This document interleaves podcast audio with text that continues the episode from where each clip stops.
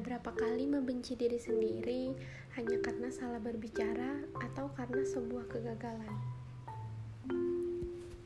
Mulai sekarang, aku akan bawa kalian untuk mulai mencintai diri sendiri. Ya, mencintai diri sendiri. Kenapa? Kok harus cinta sama diri sendiri? Mencintai orang lain atau pasangan juga kan sudah cukup bikin kita bahagia. Ah, yakin kalau kita memilih prioritas yang salah tentang hidup kita, itu akan buat kita jadi lupa sama diri sendiri. Diri kita juga perlu diperhatikan. Lalu gimana caranya supaya kita bisa mulai mencintai diri sendiri? Yang pertama, bisa dimulai dengan berbicara sama diri sendiri di depan cermin. Loh, gak usah mikir aneh dulu Self love bisa dimulai dengan menyadari keadaan diri kita sendiri. Kita bisa bercermin lalu mengatakan pada diri kita bahwa kita itu cantik atau kita itu ganteng. Lalu kita mulai mempertanyakan hal-hal yang bikin kita sedih itu apa, hal-hal yang bikin kita marah itu apa, atau hal-hal yang bikin kita nggak percaya diri. Kalau kita sudah berhasil berbicara dengan diri kita sendiri, kita akan mulai menemukan alasan-alasan kenapa kita menjadi seperti sekarang. Kenapa kita takut dengan kegagalan? Kenapa kita cemas dan gak percaya diri?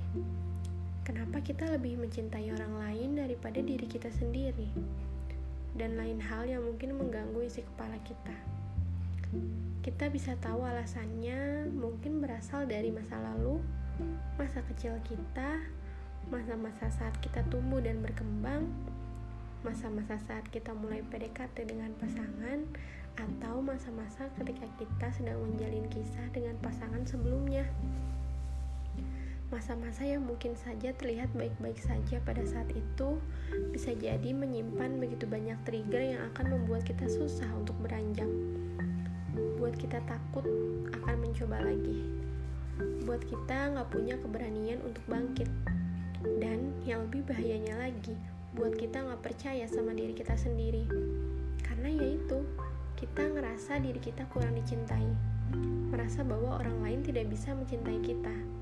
Padahal kita yang seharusnya mulai mencintai diri kita sendiri.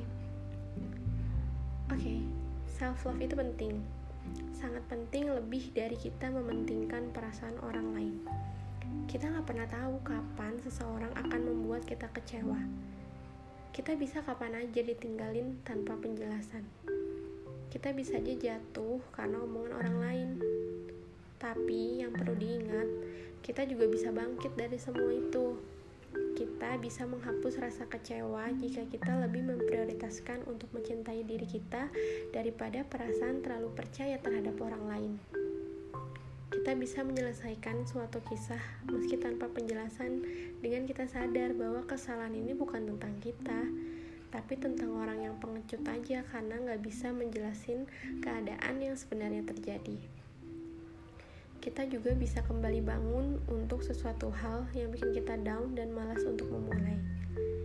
Kita bisa mulai semua itu jika kita mencintai diri kita sendiri.